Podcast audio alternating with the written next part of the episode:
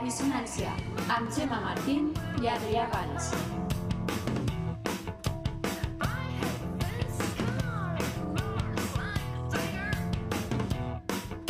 Benvingudes i benvinguts a La Dissonància, aquest espai en què, com sabeu, intentem tocar temes musicals sempre que es pugui, relacionats amb altres coses també, per què no? Perquè al final tota la vida està lligat, però sense preparar-nos-ho gaire, tampoc. És a dir, no hi ha una gran feina d'investigació i documentació al darrere, però sí que mirem de passar una bona estona aquí, amb l'Adrià Valls i jo, que sóc en Xema Martín, i que estem molt contents d'estar de, aquí una setmana més amb vosaltres. Adrià, què tal, què tal la setmana? Eh, bé, Com va la feina? la feina, bé, tranquil. Perfecte. Saps que ara la nostra audiència, ara el que volen, ja la música els és igual. És Ara ja aquí no hi ha ningú per la música. Ara ja volen saber de la teva vida privada. Jo respecto molt que tu vulguis crear aquesta, aquesta cuirassa rere la que t'has amagat i no vulguis explicar dades de la teva vida, però has de saber que la gent vol tirar d'aquest fil, vol saber Vale. més. Ja farem un OnlyFans. Potser capítol 100, special review, uh, The Life of Adri. Vale, vale. La teva no, no? Només jo. Jo és que... Jo sóc molt Com obert. per Ah, A vale. mi qualsevol que em pregunti alguna cosa li respondré tranquil·lament. O sigui, jo, jo vaig a, a pecho descubierto, però, però sé que tu tens un caràcter més reservat i, en fi, també em sembla guai perquè t'em- t'embolcalles de- d'un misticisme que, que, que et senta molt bé, tio. Et queda molt bé. Merci, tio. No era d'intenció, però vale. És el que a la gent li agrada de tu, tio. Vale. Doncs... Aqu aquesta setmana tenim, tenim més cosetes per parlar. Tenim música. Tenim cosetes de música. Et sembla si començo jo aquesta setmana? Eh, sí, sí, sí, anem alternant. Vinga, perfecte, perquè jo aquesta setmana... Eh, recordem que la setmana passada vaig parlar de, de Savant, el músic d'electrònica noruec Savant, que dèiem una miqueta que feia música electrònica que tiraven una miqueta cap al món dels videojocs. Els sons que utilitzaven sonaven una miqueta a videojocs. Doncs aquesta setmana hem fet el camí de tornada i he agafat una música de videojocs que tira una miqueta cap a l'electrònica. I aleshores el que tenim com a resultat és la musiqueta del Tetris. Què et sembla? Doncs bé. Aquí he fet un joc narratiu interessant. O sigui, aquí sembla que això s'ha pensat molt bé. Sembla vols dir que no, no? Sí, la veritat és que no. O sigui, ja em feia gràcia parlar d'això, però mira, ho he, coincidit. ho he enfilat d'aquesta manera. Sí, ja està bé, ja em Però ja sembla no diguis, tio. No aixequis. Bueno, però ah, jo, jo t'ho dic, jo vaig amb la veritat pel davant. Doncs sí, aquesta setmana m'agradaria parlar de la musiqueta del Tetris. He de confessar que m'he documentat una mica, vale? Ben fet. perquè, perquè francament jo no he estat mai un gran jugador de videojocs i, i el Tetris no és una excepció. És a dir, jo algun cop he jugat al Tetris, però jo no, no, no m'he passat al nivell 24 o no sé, jo com a molt he arribat al 3 i he jugat 4 tardes tirades. A veure, també, també s'ha de dir que som del 90, potser ja ens quedava una mica antiquat, no?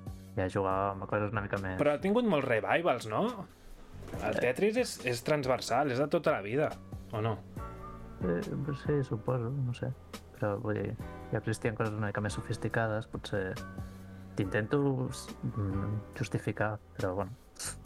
Sí, però, però vull dir, seria trampa també, no, no és que et digui, no, és que estava jugant a, Ja, ja, a el Sonic. el, el Sonic, per exemple, no he jugat en ma puta vida. Ja, ja, Per tant, el Quake, me'n recordo jugar al Quake. Tu vas jugar al Quake? Sí, però potser dos cops, no... És que jo de la meva infància, tio, no recordo haver jugat gaire, eh? No sé, Però, pot, potser per això sóc un general, senyor. Te'n recordes alguna cosa o tampoc? Perquè potser hi ha alguna mena d'episodi estrany. No, no, tinc molts records de la meva infància. vale. Jo tinc records de quan tenia dos anys, tio. Ah, vale, vale. Jo tinc records de, de les Olimpiades, i no és conya. I jo tenia dos anys, perquè soc del 90. Però, però sí que és veritat que de videojocs no gaire. Però la musiqueta del Tetris és com una icona que ens ha, ens ha acompanyat a tots, més enllà de si ens agradaven els videojocs o Bueno, no. també ha influenciat, no? Després en, fan alguns creadors de música aquesta de 8 bits i coses així. Sí, ha creat estil, sí, tens raó, potser sí. I a més que és guai, tio, s'enganxa. Mm. Té, té un ritmillo que és molt agradable. pues he estat investigant una mica, tio. Vale. I resulta que aquesta cançó, la cançoneta del Tetris, la de la pantalla principal, eh? La que coneixem No tots. tinc que... Bueno, vale. Sí. Ara, ara després escoltarem. Vale, vale. Eh, però la de la pantalla principal, la, la que coneix tothom, Mm -hmm. pues es veu que és una cançó russa clàssica de tota la vida, tio. Hòstia. Del segle XIX, per dir alguna cosa. Una cançó tradicional russa. Joder. Pues jo no ho sabia, tio, No, i no, m'ha no. fet, m'ha fet molta il·lusió. M'ha fet molta il·lusió perquè... Perquè tens família russa. No, no tinc cap mena de lligam amb Rússia, però... Mm, te- tenim tots els videojocs... Bueno, és que jo sí que sabíem, no?, que el Tetris era rus. Això sí que em sonava, com Ah, rotllo que el, el creador era rus. Vinc molt perdut. Fins aquí, guai, bueno, és però molt que, constructivista, sí, queda bé, no? té un punt comunista, no?, també, el Tetris. Sí, sí, sí. Com d'aprofitar bé els recursos perquè si no, tu en aquesta societat no hi caps i has de marxar. I per tant, pues, el sistema t'apreta i, i tu has de col·laborar també i entre tots mm, Sí, sí, i has fem que el, que el no- monstre no creixi. Si no vas a. I aquesta és la millor definició de comunisme que se m'acut. Però, però em, fa, em fa molta gràcia, bueno, em sembla molt simpàtic que, que aquest senyor que va fer aquest videojoc, suposo que l'any, m'ho invento, 50 i pico, 60 i pico, Mm. o 70 i alguna eh, agafés una cançó tradicional que escoltava la seva iaia i la fotés aquí i, i 30 anys després els nens la segueixen escoltant i, i matant blocs de colors amb aquesta cançoneta. M'agrada molt. I es veu que l'original té lletra, tio, i pa parla de... Jo no l'entenc la lletra, vale? perquè no sé rus vaig amb la veritat pel davant però, però es veu que parla d'un xavalet que és comerciant i està enamorat d'una noia que es diu Tània i, i no sé si va molt més enllà la història però només que hi hagi aquest plantejament narratiu a mi ja em posa content i ja, jo ja veig el Tetris d'una altra manera jo ara veig el Tetris com una història d'amor impossible i això pues, em posa content L'amor impossible et posa content. Bueno, que tingui aquesta profunditat, que tingui capes, Mhm. que és un joc amb capes, que pensàvem que eren 2D Sí, i però... realment hi ha una història aquí. Ara, ara ja saps que és un tio que intenta destruir un mur perquè vol accedir a la seva estimada. Això és un altre joc diferent. Ara és el Super Mario. Eh, pues mira, tinc una versió de la cançó que es diu Korobeiniki, o sigui, la cançó, realment, la- l'original es diu Korobeiniki, Vale. que vol dir... Això ho he buscat abans, tio. Volia dir alguna rotllo...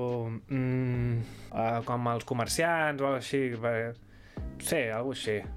Perquè el noi era un comerciant que estava allà com, com amb uns cistells venent no sé què. I anava al mercat. Peces de Tetris venent peces de Tetris, exacte. Doncs pues mira, et deixo una versió interpretada per Zenia Shevchenko uh -huh. que fliparàs, tio, perquè està molt xula. Mira, l'escoltem. Vale. Posa. Eh, Paulín, Paulina, moja karolska,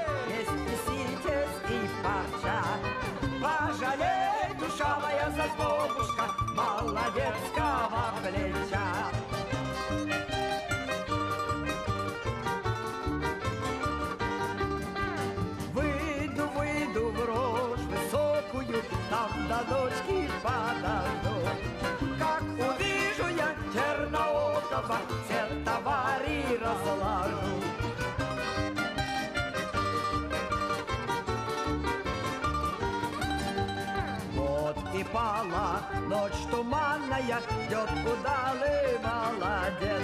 Чу, идет, пришла моя желанная, отдает товар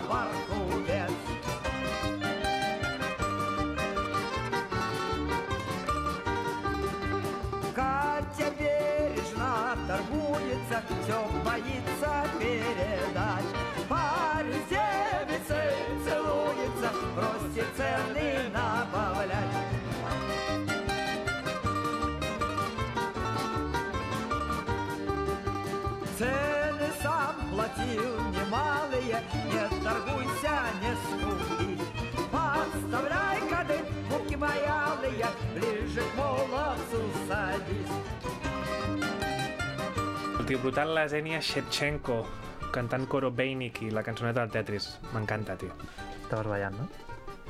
Em dóna moltes ganes de ballar aquesta música, tio. És que és molt alegre i molt animada. De fet, mm, és que crec que m'agrada més que la versió que ens ha arribat a nosaltres a través del videojoc, tio. És que aquesta versió és brutal. No t'ha molat a tu? Sí, la veritat és que sí. sí, sí. Està No molt. sembla tan trista com deies, no? O, o no sé. La veritat és que no, que per ser, un, perquè per ser una història així com d'amor impossible, si és així, pues tampoc està tan mal, tio. És com, igual sí. No, igual no Potser sortiràs l'amor amb la noia. Rússia està... és diferent, no sé. Tenen una altra concepció, tio. Eh? És com, no puedes tener esto. Pues me pongo a bailar. Què collons? Em sembla fantàstic. Bueno, Adri, què ens portes tu aquesta setmana? Eh, ah, sí, em toca a mi. Eh, bueno, jo també volia lligar una mica amb lo de la setmana passada, Vale? que per fer un remember era les pel·lis aquelles de Strangers i concretament volia enllaçar-ho amb la segona, la de... bueno, la 2, la seqüela, que recordem que mm, combinava el gènere aquest de terror, slasher, amb música dels, amb pop així dels 80 i tal, Correcte, sí, que vam I- estar escoltant Kim Wilde l'altre dia, Sí. no? Que sortia a la 2. I bueno, volia enllaçar una mica amb, amb una sèrie que va fer... La pel·li aquesta era del 2018 i la sèrie, ara no recordo si el 2019 o 2020, és la d'American Horror Story, la de 1984. Que- Vale, sí. Juga una mica la temàtica aquesta, així, això, dels 80, típic slasher així als 80, amb, amb referències i influències de típic slasher sèrie B, no sé. Eh, Vale. Jo conec la sèrie, o sigui, American Horror Story sí, té com 10 temporades o així, no? Si no m'equivoco. hòstia, no sé... O 8, o una sí, cosa no així. sé si no.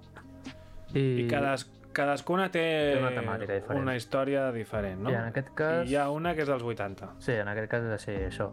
Slasher dels 80 i juguen una mica doncs, a la mateixa combinació aquesta de... eh, Aquest combo que dèiem que tan bé havia funcionat a la de Strangers, pues, de slasher i, i música als 80, doncs aquí també, també sup... bueno, clar, suposen així una mica fàcil. I, I res, també, un altre cop, la banda sonora és com un recopilatori dels 80, amb tots els clàssics i, i el típic que podria sentir-hi.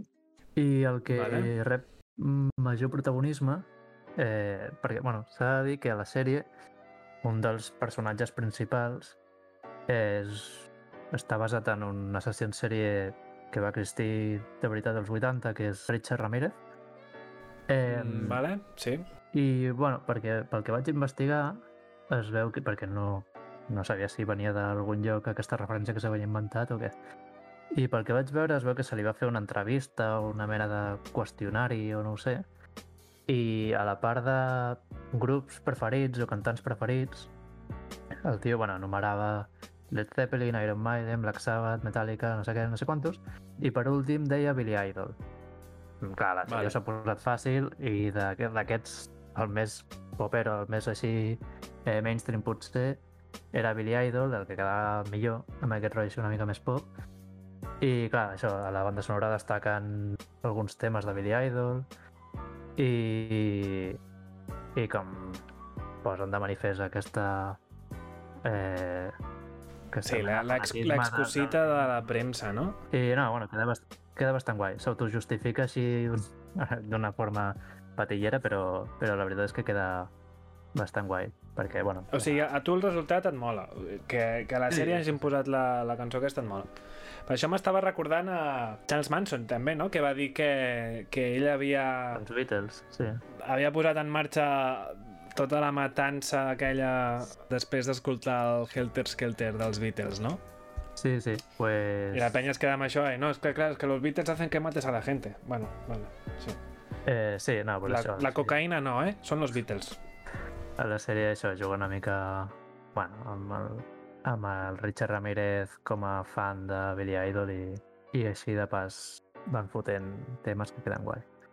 I, i ja que em sobren un minutet, eh, aprofito per, per aportar un referent, en aquest cas anterior, eh, no contemporani, sinó d'una pel·li dels 80, un slasher real, eh, bueno, he dit dels 80, potser és dels 90, que és la de White of the Eye, i que també em, molava, em va venir al cap eh, una mica pel, pel, que parlàvem, això de contrast de terror amb, amb música que en principi no hi pensaries. I, i en aquesta pel·li, eh, la que també... Per, per, perdona un moment, Adri. Ara, ara m'he perdut una mica. Ja no estem parlant de la sèrie? Eh, no, no, he canviat. Ara estem parlant d'una pel·li. Sí, sí, és que m'ha vingut. Vale, has, has fet un gir molt tancat, eh, en aquesta corba. Jo m'he sortit una miqueta de la carretera. Eh, ja, tio, perdó. Ara estem parlant d'una pel·li que es diu, perdona? Sí, és que la, la, el cap em va una mica així. Eh, es diu White of the Eye. I és una pel·li... White és of the Eye. també un slasher, en aquest cas eh, dels 80, i, m'ha vingut al cap perquè també feia una mica això que parlàvem d'aquest contrast estrany que no t'esperaries en una pel·li d'aquest tipus. I En el moment, Adri, en què les tres referències que has aportat al programa són aquest contrast, igual ja no et pot sorprendre tant, tio. Igual ja s'està convertint en un patró. que són contrastos diferents, tio. Un juga a pop dels 80, l'altre vam veure que era country i... No sé, deixa'm ja tancar-ho. Ja, Vale, prometo i- que no i porto White res of- més. Vale, ok. I White of the Eye què, què ens presenta? Ni pop ni folk, sinó... No, en aquest cas, eh, el contrast que també és eh, música, com veiem a The Strangers, que, que juga d'una forma diegètica. Eh, en aquest cas, la que tenia bastant protagonisme era Vesti la Giuba, que és una peça de l'òpera de Pagliacci. Coneixes? Vale. Eh, Sí. Bueno, ara la posarem, un fragment. Algun dia parlarem de Pallachi, també. Vale. I, i res, clar, mm, et deixava així una mica boig perquè no t'esperes en, en una pel·li d'aquest tipus i menys en aquella època es jugava una mica lo típic o com a molt sí que el 70 va innovar eh, Dario Argento amb posant a Goblin fent la banda sonora de de mm, Profondo Rosso no? de, i de Suspiria que, que sí Mhm. que trencava una mica amb el que hi havia fins aleshores. Eh, però, hòstia, en aquest cas em sembla encara més trencador perquè no... També sonava alguna de country, crec, crec recordar, l'hauria d'haver tornat a veure. I... I no, bueno, per què preparar-se el programa, Adri, quan, quan podem estar aquí... Sí, sí, no, millor parlar Suposant. així. Sí, sí, millor així. Vale, Eh, aleshores, et vaig tallant perquè és que si no t'enrotlles com una persiana, tio. Sí, Què sí. escoltem? I Pallachi! Eh, sí, posa Vesti la Juba. Vale. I amb això tancarem, no? Eh, sí, amb això ja pots tancar. Vale. Aquesta Pavarotti mateix. Doncs va, escoltem la cançó aquesta i després us l'escolteu veient la peli, que queda encara millor. Vale, Adri, ens veiem la setmana vinent. Ens quedem aquí escoltant Pavarotti i el proper capítol més cosetes interessants. Bona sort i fins la propera. Vagi bé.